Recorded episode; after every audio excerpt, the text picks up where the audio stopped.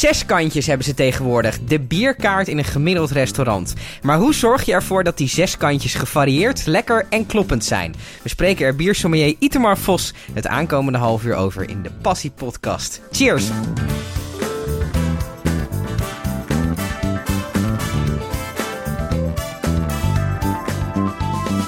Uh, Itemar, goed dat je er bent. Dankjewel. Wat is een biersommelier? Want ik denk dat wijnsommelier iets bekender klinkt. Ja, ja klopt. klopt. Nou, kijk, een, een, een sommelier aan zich eigenlijk is een... Um, uh, je zou kunnen zeggen een soort verbindend orgaan. Het is heel poëtisch uh, uitgesproken, maar het is een soort verbindend orgaan tussen uh, bepaalde groepen. -huh. nou, wat houdt het in? Dus, je kan als sommelier van alles. Hè? Je hebt dus watersommeliers, ja. je hebt thee-sommeliers, sigaar Is er zoveel te zeggen over water, ja? Er is heel veel te zeggen over water. Ja, okay. er is heel veel te zeggen over water. Ik heb uh, bij de hotel, ik heb ook de hotelschool, middelbare hotelschool gedaan. En ja. daar hebben we ook waterproeverijen gehad. En ja. dan merk je dus oh, dat really? als je acht waters naast elkaar zet, dat je echt verschil merkt. Dus Ja? dat is wel heel leuk. Maar waar zit het dan bij water even in? Sorry, we gaan het Ehm, nu over water hebben. Maakt niet uit, we gaan een Maar- kort ja, ja. uitstapje maken naar water. naar water. Kijk, waar, waar, waar het bij water echt erin zit, is eh, eh, de mineraalsamenstelling. Hè? Dus je hebt heel veel verschillende stoffen heb je in water, veel mineralen. Mhm. En die bepalen eh, eh, de eigenschap van het water. Hè? Dus eh, de ene is, eh, eh, heeft wat meer zoute smaak. De andere heeft wat meer smaak van eh, stenen, van aarde. Eh, je hebt er ook... eh, ons kraanwater zit super veel kalk in. Nou, Ja. dat brengt dan natuurlijk ook gewoon een bepaalde smaak met zich mee. Je zou het een keer naast elkaar moeten zetten. En dat je dan Ja. toch wel... Nou, ik weet wel bijvoorbeeld Spa heeft best wel een, een uitgesproken smaak, Nou, vind ik. bijvoorbeeld, ja, bijvoorbeeld. En het, het is allemaal bronwater, dat wordt opgepompt hè, vanuit de grond. Mhm. Eh, dus ja, wat dat betreft eh, heeft dat alles te maken met de minerale samenstelling. Maar goed, maar goed, we gaan door. ja, we een door. sommelier, die kan zich dus eh, op verschillende gebieden voortbewegen. Hè? Ja. In mijn opzicht biersommelier. Ik kan eh, eh, met brouwers praten. Mhm. Hè? Ik, ik ken het brouwproces. Ik heb voor mijn opleiding tot biersommelier met mijn groep zeg maar ook zelf een bier moeten brouwen. Nou, dan word je meegenomen in het hele brouwproces. Maar je wordt ook getraind op smaak. Mhm. hè? Dus je wordt getraind om te proeven. Je wordt getraind om blind te proeven, smaken te herkennen, Mhm. et cetera. Eh, maar je zou bijvoorbeeld ook eh, met eh, horeca hè, zou je kunnen kijken hoe gaat eten samen met bier bijvoorbeeld. Mhm. hè? Er zitten enorm veel smaken in bier. Er zitten enorm veel smaken in eten. Hoe kunnen wij zorgen dat die smaken met elkaar gaan samenwerken? Ja. Of juist, hoe kunnen wij ervoor zorgen dat die smaken in contrast staan met, Met elkaar? elkaar, ja. Je hebt bijvoorbeeld een heel klein trucje is bijvoorbeeld dat hopbitterheid eh, enorm pittigheid versterkt. Mhm. hè? Dus neem bijvoorbeeld een heel bitter bier met een jalapeno pepertje en de jalapeno zal gewoon tien keer pittiger smaken eh, dan dat die normaal zonder een heel bitter ja. bier zou doen. Eh, dus dat is wat je weet. Ehm, je kan ongelooflijk veel over de achtergrond van, van, van jouw product vertellen. In mijn geval dus bier. Eh, nou, in de achtergrond, hè, dus verschillende hopsoorten en een uitwerking daarvan. Eh, je hebt verschillende eh, graan, je hebt verschillende waters, komen we weer. Eh, gistsoorten. Nou, je kent dus eigenlijk enorm veel grondstoffen. Ja. Ehm, en eh, hun uitwerking daarvan op het uiteindelijke bier. Nou, Klinkt goed, het dus- uiteindelijk toch ineens heel aardrijkskundig. ja, het is ook, het is ook hè, er zit echt enorm veel eh, scheikunde ook in. Hè? Chemie, ik had echt termen geleerd die ik nu ken, waarvan ik echt denk dat mijn scheikundedocent op de middelbare school echt... Over achterover klapt dat je dat nu wel weet. stoel dat ik dat nu eindelijk weet. Ja. Dus ja, ik, ik denk wat dat betreft dat het een sommelier zijn is dus de verbindende factor. Tussen eh, brouwer, horeca-ondernemer, eh, smaakkenner, eh, proever, et cetera. Dus jij kan je als sommelier bewegen op al die gebieden. Ja. Ja, dus dat is denk ik in het kort een sommelier. Van wat het is. Ja. Ja, we hebben het even, je hebt het even gehad over smaak en over Mhm, proeven. mhm. Is dat niet lastig omdat mensen hun smaak verschilt? Dat, eh, hoe kan jij ervoor zorgen dat jij dat een biertje die over het algemeen aanslaat? Want op het Mhm. moment dat jij adviseert aan een horeca-onderneming Mhm. van oké, deze moet je op je kaart hebben staan. Ja. eh, dat je weet dat die aanslaat terwijl Ja. smaak juist zo verschilt. Ja, dat is een hele goede vraag. Bedankt. Eh, ja, ja, hele daar, goede zit ik vraag. hier, daar zit ik hier voor. Ja, snap ik. Ja, kijk, het, het, het, ik denk dat ehm, er is... ehm, twee kanten aan dit verhaal. Je hebt uh, enerzijds zegt iedereen smaak is subjectief. hè? Mhm. Dus ik proef iets heel anders dan jij. Mhm.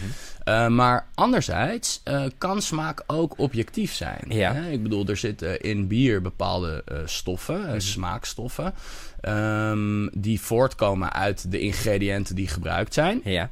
Um, en wat gebeurt er dan uh, dan gaat het een beetje bijvoorbeeld naar banaanproeven, ja. bij wijze van spreken. Kan dat? Dus, dat kan, ja. ja. Je hebt, uh, heel veel, ben je wel eens op wintersport geweest? Ja, ja, ja. ja, nou, Daar heb je natuurlijk in Oostenrijk enorm veel Weizenbieren. Hè? Paulaner, Erdinger, dat soort dingen. Mm -hmm. uh, dat wordt dan in, in die grote glazen wordt, dat, wordt dat geserveerd. Ja, ze kennen daar geen kleine glazen Ze kennen daar weinig kleine glazen inderdaad. Maar goed, dat is ook weer iets van wat met hun cultuur te, maken heeft. Ja. Um, en heel veel van die Weizenbieren op basis van tarwe die ja. uh, hebben een enorme banaansmaak bijvoorbeeld. Ja. En hoe komt dat dan? Uh, nou, dat komt uh, door het gist. -huh. ik ga je het technische verhaal besparen. Ja. Maar die gist die produceert dus, hè, dat is het echt het kenmerkende Weizengist, zoals ze dat noemen. Die kan dus verschillende smaken, maar één daarvan is dus banaan. -huh. um, en um, um, heel vaak weten mensen niet Hè, dat het naar banaan smaakt, mhm. totdat je ze erop attendeert. Ja, en dan dus- gaan ze het ineens En dan is het opeens, huh? Ik Hoe komt dat dan, dat ze daar dan pas achter komen? Ja, omdat uh, je als, uh, uh, laat ik zeggen, doorsnee mens, om mm -hmm. het zo maar te zeggen, niet de hele tijd bezig bent met smaak. Hè? Ik bedoel, je, bent, je moet eten en je moet drinken, want anders ga je dood, zeg mhm. maar. En er, is, er is echt een hele grote wereld tussen het primaire eten en het fijnproeven, zeg maar.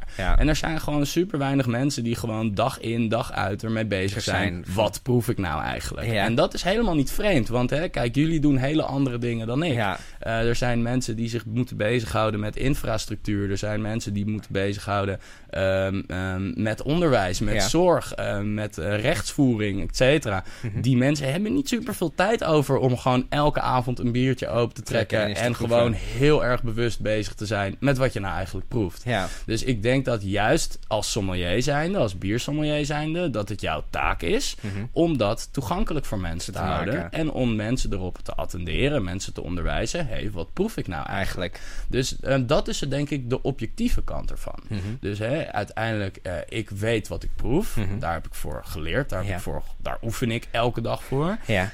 Um, en ik denk um, dat als je dat dus onder oren kan brengen, mm -hmm. dat mensen het ook vaker met je eens kunnen zijn. zijn. Kijk, ja. ik heb met mijn collega's, met mijn uh, collega biersommeliers, maar ook met mijn collega's uit de, uit de horeca, hebben we ook altijd discussies hè, van wat is dit nou eigenlijk? Ja. Het gaat ook om herkenning. Hè? Ja, ja. Kijk, stel je voor dat jij um, mm, één geur gewoon nooit meer vergeet. Ja. ja. Dus gewoon, er is één keer een geur geweest, ergens op vakantie of weet ik veel, uh, die je nooit meer vergeet. Mm -hmm. Omdat die heel erg stonk of omdat die super lekker rook. Ja. En jij trekt een biertje open. Mm -hmm.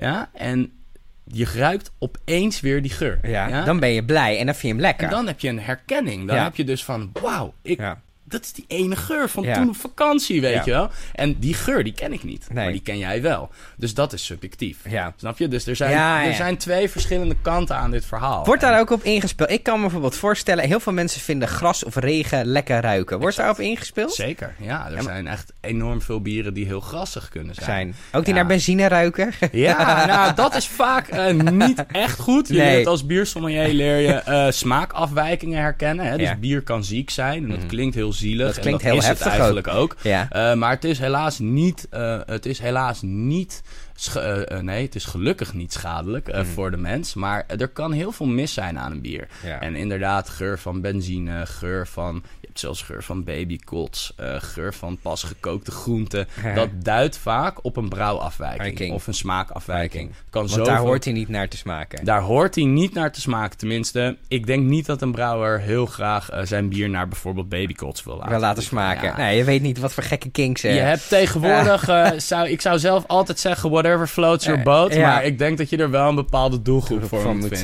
moet, hebben. Om het zo maar te zeggen. Maar goed, ja, dus dat, daar wordt zeker op ingespeeld. Hè. Je hebt in bier ook momenteel echt enorme uitersten. Je hebt mm. mensen die zich heel erg het behoudende willen hebben. Hè? Dus bijvoorbeeld enorm veel Belgische bieren. Die ja. doen al jaren hetzelfde. En die doen dat supergoed. Ja. Maar je hebt tegenwoordig een enorme groeiende beweging mm -hmm. aan, uh, uh, aan brouwers die zoiets heeft van... nou, Ja, ik, ga, ik gewoon, ga het zelf doen. Ik ga gewoon een keer eh, eh, habanero pepers in mijn bier gooien. en kijken, kijken hoe dat gebeurt. werkt. Eh, Experimenteren. exact, ja. Dus dat is wel echt de twee uitersten in het bierlandschap. Hoe komt het nou dat die eh, movement naar speciaal bier ineens zo sterk is geworden? Ja, ja, dat is. eh, ja, dat, dat, daar wordt wel echt om, om getwist. Hè? Ja. Je hebt, je hebt, eh, er is echt een, in, in het Nederlandse bierlandschap echt een enorme stilte geweest. Eigenlijk. Eh, de af, eh, sinds, nou, ik denk dat dat nu al zeven jaar bezig is, dat het nu eindelijk weer een beetje begint te leven.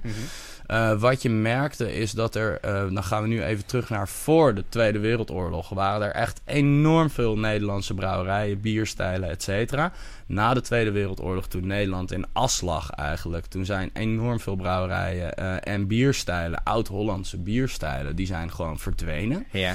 En eh, toen is er eigenlijk eh, een soort, ja, rond de, eh, de midden jaren tachtig, zeg maar, is er een soort van beweging geweest die zich heeft ingezet om het speciaalbier weer op de kaart te brengen. ja. Nou, ik denk dat eh, eh, er heel veel aan hun te wijten is. Je hebt bijvoorbeeld Brouwerij het Ei. Ik denk dat we die alle Allemaal drie wel kennen, kennen. ja. ja. En ik denk eh, al deze mensen ook. Ehm, ik denk dat zij een van grote pioniers zijn geweest, bijvoorbeeld met hun zatten. Die is volgens mij ergens in 1986 volgens mij uitgebracht. Dat is hun trippelbier. Mhm. En ehm, daarmee werd eigenlijk een soort van nieuw leven ingeblazen. Ja. Ja, je merkt dat gewoon de pilsconsumptie daalt in Mhm. Nederland. Hè? Dus hè, de Heineken, Bavaria, Hertog Jan, Ja. Amstel, dat zijn allemaal pils. Mhm. Ehm, en ik, die, die begint te dalen. Ik las toevallig ergens, eh, dan ga ik me niet echt vastpinnen op de cijfers, Ja. dat de eh, eh, pilsconsumptie aan het eh, d- eh, dalen is. per jaar met iets van 3% of zo. Mhm. Nou, Wel flink. dat is ja. echt wel flink. En je ziet dan dat de speciaalbierconsumptie Dat dat- ten opzichte van 2018 gestegen is met 10,2%. procent. Dus ze zijn speciaal biertjes gaan drinken. Exact, ja. Vond je het nooit irritant dat je dan, dan weet je zoveel ervan af en dan Mhm. weet je waarschijnlijk ook wel. Kan je een goed pils waarderen?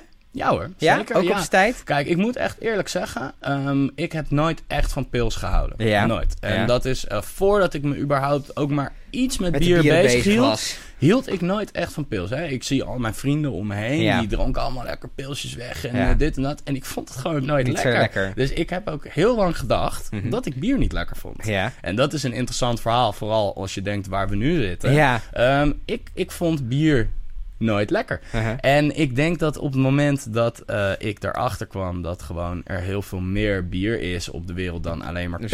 standaard, standaard pils. ehm, dan denk ik ehm, ja, dat er toch een soort liefde in mij begon te groeien. ja. Maar een goed pils, ja hoor, absoluut. Kijk, Nu wel. Ik, kijk, ik drink het.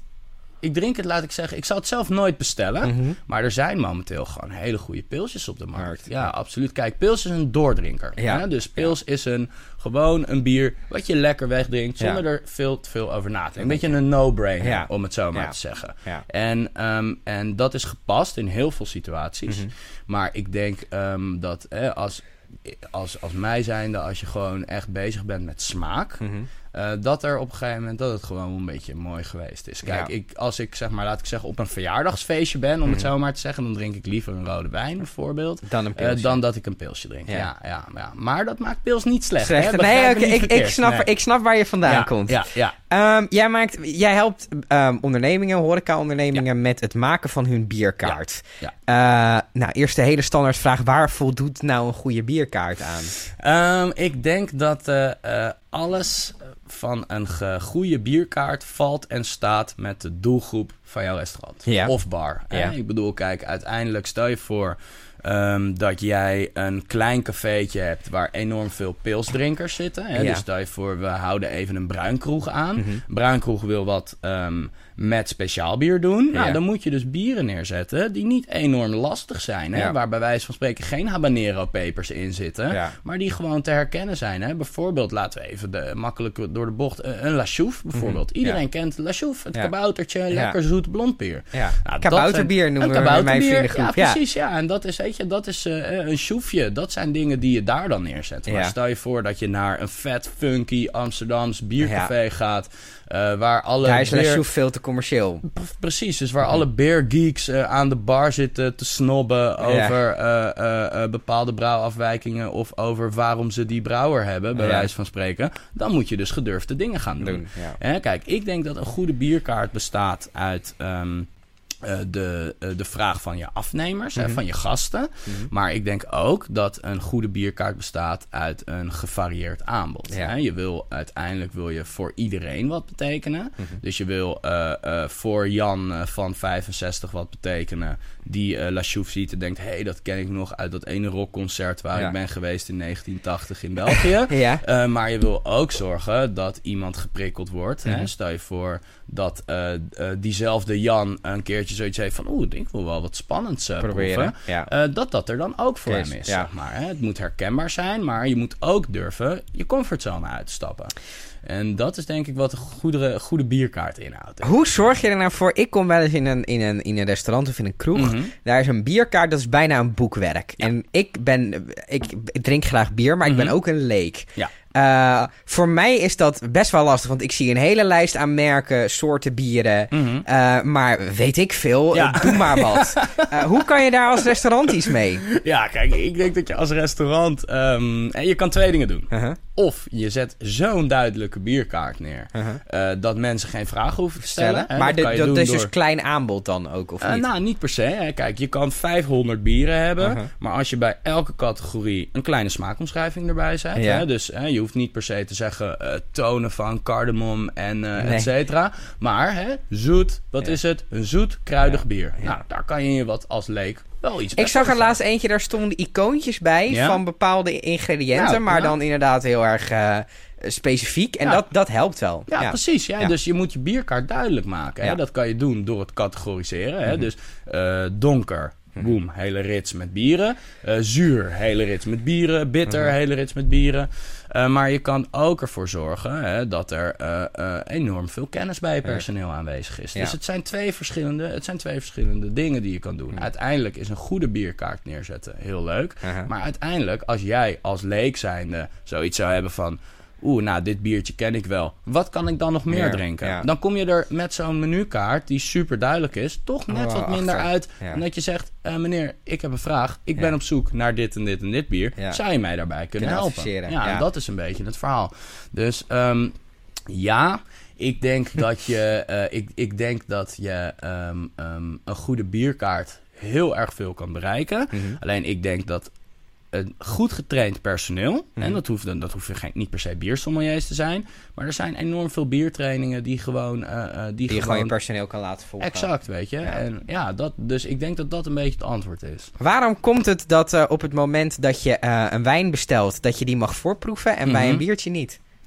Ja, ik denk dat dat echt een cultuurskwestie is. Ja? Kijk, ja, uiteindelijk, kijk... eh, Eigenlijk is het heel raar. Ja, kijk, eh, het, het, het is ook een, een misvatting. En het is, eh, ik, ik- het is helemaal logisch. Want Mhm. dit is een van de grootste misvattingen die er zijn. Je proeft wijn. Mhm. Proef je niet of je het lekker vindt als je een fles bestelt. Ja. Maar je proeft wijn om te kijken of er geen smaakafwijkingen in zitten. Is dat echt zo? Dat is echt waar. maar niemand, niemand dat- drinkt daarvoor toch zijn wijn voor? Als je gaat kijken, als het een, laat ik zeggen, een culinair, echt een, een, een culinair hoogstaand restaurant is, hè, dan daar, daar loopt altijd een sommelier rond. Dus je laat je, je, laat je dus adviseren. Hè? Mhm. Ik wil graag dit en dit. Of je zegt, ik wil graag, hè, doe je ding. Ik zoek graag iets bij dit gerecht. Dan doet de sommelier het. Dan mag je er hopelijk van uitgaan dat de sommelier die daar jaren voor heeft gestudeerd, zijn werk een beetje goed doet. Ja. Maar je proeft een wijn om te kijken of er bijvoorbeeld geen kurk in zit. Of, Mm. eh, of het niet zuur is. Of eh, eh, dat soort dingen. Mhm. Ehm, dus dat is een hele grote misvatting. Ik heb nog nooit iemand zo'n wijn terug zien sturen. Ja, ja, ja, nou ja, goed. ik, ik, zou, ra- ik zou je aanraden om een keer eh, ergens bij bijvoorbeeld een sterrentent te gaan eten. Echt een aanrader Ja. ook qua eten om te doen. Uh-huh. Ehm, maar goed, ja, ik, ik, ik, ik, dus dat, dat, dat heeft er denk ik mee te maken eh, dat je ook een bier niet mag voorproeven. Hè? Mhm. Kijk, uiteindelijk eh, zal een sommelier altijd ervan op de hoogte zijn dat de batch, hè, dus de doos die hij koopt, Ja. eh, daar zal hij altijd een biertje van voorproeven. Ja. Ehm, vaak is het zo dat het per oplage dat er een bier is, zeg Mhm. maar. Dus op het moment dat jij één biertje uit die doos proeft, is de kans heel groot dat alle andere bieren uit die doos ook, Ook oké hetzelfde. zijn. Ja. Dus je kan ervan uitgaan dat als een biersommelier zijn werk goed doet in een restaurant, dat, Dat, hij één eh, van die bieren al een keer heeft, heeft geproefd. Ja, En, dat is eh, eigenlijk de reden. Wat is je favoriet? Mijn favoriet. Ja. Dat is heel moeilijk. Kijk, ik heb altijd één ding. Eh, ja, ik heb één van, van mijn favorieten meegenomen. Dus Ja. die ga ik gewoon ondertussen uitschrijven. Oh, dat is, eh, die daar gewoon even ben ik wel een voorstander van. Ja, Uh, Wat voor soort biertje is het? Dit is een Orval. En een Orval is een beetje een one-of-a-kind bier. Het is, mhm. In principe is het een blond bier. Ja. Uh, maar het is een bier van trappisten. Dus dat is gebrouwen door een hele bepaalde kloosterorde monniken. Mm -hmm. Oké. Okay. Uh, Doe niet aan bier brouwen, joh? Ja, ja, ja, ja zeker. Die, die, die kloosterorde die heet de Orde der Cisterciensers. Mm -hmm. En uh, zij brouwen echt al sinds begin middeleeuwen brouwen zij al bier. Mm -hmm. En um, er zijn 13 trappistenbrouwerijen. Dus dat is echt, die behoren tot die bepaalde orde. Mm Um, en zij brouwen bier onder toezicht of door de monniken zelf. Ja. Um, en het moet binnen de muren van de abdij gebrouwen zijn. Ja. En de opbrengst mag, moet bedoel ik, ja. moet gaan naar het onderhoud van de abdij of naar goede doelen. Oh, dus ze verdienen er zelf niks op. Ja. Nou, dat is dan Orval. Nou, een Orval die heeft één bier. Dat is de Orval. Ja, goede naam. Uh, ja, dank ja, zeker. En die heeft een, uh, ja, die hebben dus een blond bier gebrouwen. Ik ruik um, hem al. Ja, precies. Heel fruitig ja, heel, Ja, zeker. Ja, en het is ook uh, wel... Uh, hier, Koen. Net op tijd. Net op tijd. Nou, nou jongens, uh, proost. ja. En dat is een lievelings van jou, deze. Ja, dit is wel even mijn lievelings. Wat maakt hem zo uh, lekker? Waar heb je hem ontdekt? Oh ja, die smaakt goed. Ja, smaakt zeker goed. Ja, dat is het lekker. Is een, uh, het, ik heb hem ontdekt. Ja, kijk, dit is echt een bier. Dat, dat de, bier de bierfan, die kan hier niet omheen. Het ja. is namelijk een enorm complex bier. Mm -hmm. um, het heeft een bepaalde bitterheid. Het ja. heeft een heel klein zuurtje. Dat komt uit een uh, wilde gistsoort. Mm -hmm. En ik ga jullie dat technische verhaal niet uitleggen. Maar dat is een bepaalde gistsoort. Um, en er zitten bepaalde hopsoorten in die een enorme aardse kruidigheid met zich meebrengen. En ik ga nu uitleggen wat aards is. Ja. Aards zijn tonen die je bijvoorbeeld in truffel, in zwarte witte truffel ja. tegenkomt. Uh, in paté, dat zijn mm -hmm. ook aardse tonen. Leverpaté, maar ook in uh, filet américain. Daar zitten ook aardse tonen in. En dat kom je hier ook tegen. Hij is vrij fruitig. Hè? Dan denk je een beetje aan citroen, denk ik dan een beetje. Maar het zijn die... Ik heb heel erg de associatie met mandarijn. Mag ik dat zeggen? Zeker weten. Ja, oh, dat is echt leuk. Ja, zie je? Dus ja, dat is top. een beetje persik toen ik rook. Nice. Grappig lekker, dat we alle drie iets anders dan hebben. Ja. Dus we zijn het erover eens dat hij een beetje fruitig is. Ja, ja, zeker. En ook als je hem dus doorslikt, mm -hmm. dan proef je niet per se meer die fruitigheid, nee. maar dan proef je echt die aardse tonen. Ja. En dus dit is echt een bier wat zo veelzijdig is. Uh -huh. uh, maar toch, hè, met zijn 6,2% uit mijn hoofd, echt een fijne doordrinker. Je hoeft hem ja. niet per se weg te knallen, zeg nee, maar. Maar je, je hoeft hem ook niet uh, te nippen. Precies, ja, ja, Dus dat is lekker. Um, het mooie is van dit bier dat als je hem bewaart, mm -hmm. dat je echt, echt super veel nieuwe smaken krijgt. Ja. En uh, daarom is Orval echt een van mijn favorieten. Ik heb je gaat er mijn... helemaal weg glimlachen. Ja, maar het is ook zo mooi. Ik kan hier echt zo van genieten, weet je. Ook, en uh, ik heb ook op mijn, uh, op mijn Facebook-page en op mijn website van de Beertenders, mijn bedrijf, zeg maar, mm -hmm. heb ik een hele blog over Orval geschreven. Ja. Dus als het jullie interesseert, ja, hij is tof. dan zou ik zeggen, check het zo meteen.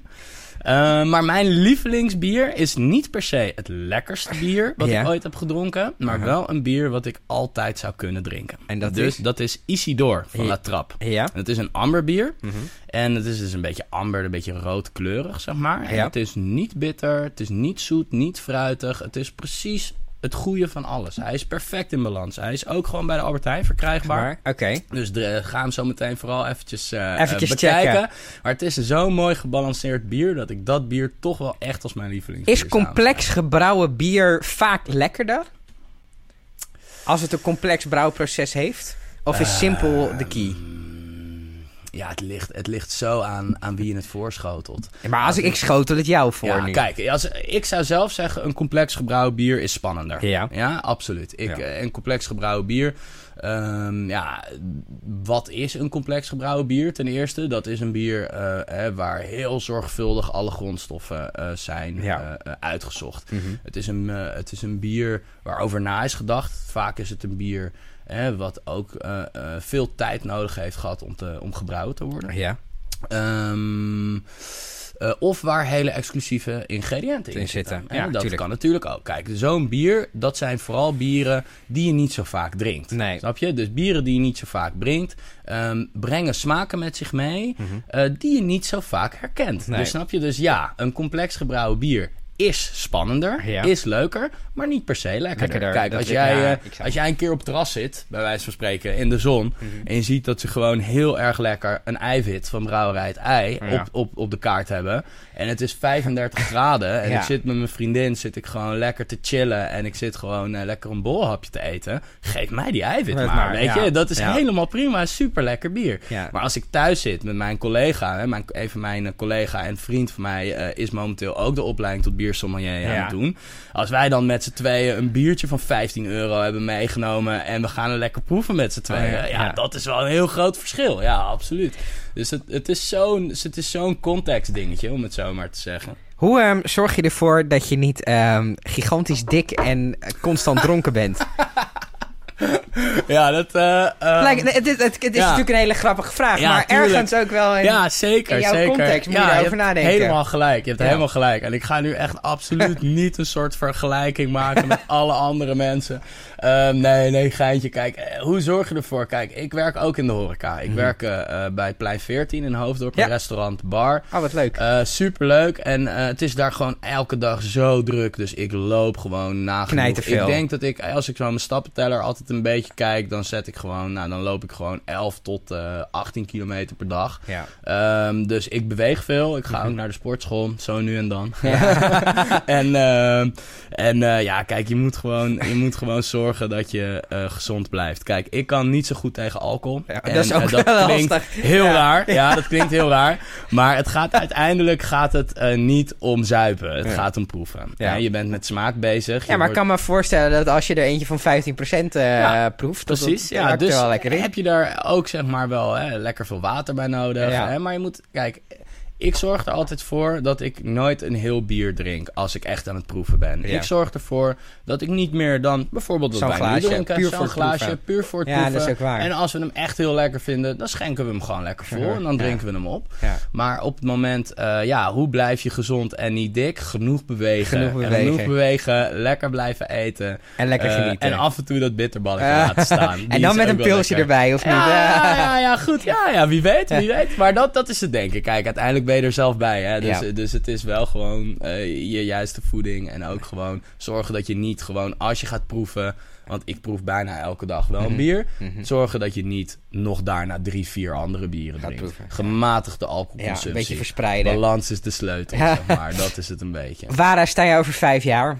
Ik hoop als, uh, over vijf jaar um, de horeca veranderd te hebben. Of in ieder geval actief bezig te zijn met het veranderen. Uh, het positief veranderen van de horeca. En op welke manier bedoel je uh, Nou, ik denk dat er zoveel nog uh, te halen valt eigenlijk uh, als het gaat om de horeca. Horeca is momenteel echt een studentenbaantje. Hè? Dat mm. is een beetje het image. Ja. Terwijl wij als professionals dag in dag uit bezig, bezig zijn, zijn, met, met gastvrijheid, ja. met smaak, met ja. het zorgen van het goede verloop van een avond. Mhm. En ik denk dat wij jarenlang als professionals een beetje zijn weggezet van... oh ja, maar dat is een studentenbaantje, ja. dus dat, uh, dat is prima. Ik denk dat er ongelooflijk veel nog uh, qua gastvrijheid, qua service te halen valt. Maar mm -hmm. op biergebied ja. denk ik dat er zoveel bewustzijn bij mensen nog gecreëerd kan worden. Zoveel trainingen nog te geven zijn. Zoveel mooie proeverijen die er nog te doen zijn. Zodat mensen uh, dag in dag uit een beetje kunnen uitkijken naar de volgende proeverij.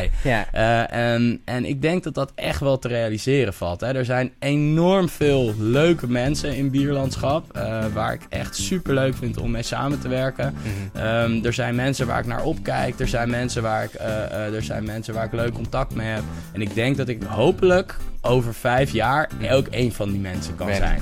De, dus een, een, een, autoriteit op biergebied. Dat is toch wel stiekem mijn droom, zeg maar. Ik denk wel dat je het afgelopen half uur een hoop mensen heel erg enthousiast gemaakt hebt over, uh, over Ik hoop het. Dankjewel, man. Alsjeblieft, met plezier.